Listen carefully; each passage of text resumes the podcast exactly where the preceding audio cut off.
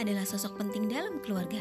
Selain sebagai pemimpin, ayah pun menjadi idola bagi anak-anaknya. Ketika di rumah, ayah adalah kepala sekolah dan bunda adalah guru bagi Ananda tercinta. Karena itu, pendidikan anak adalah tanggung jawab ayah dan bunda.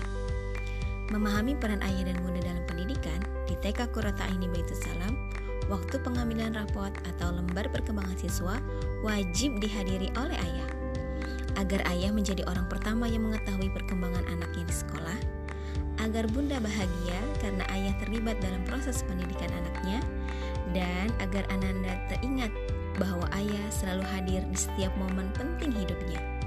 Yuk bergabung di TK Kurota Aini Salam, sekolah untuk anak dan orang tua hebat. Insya Allah Ananda akan bahagia mulai dari pekan pertama sekolah.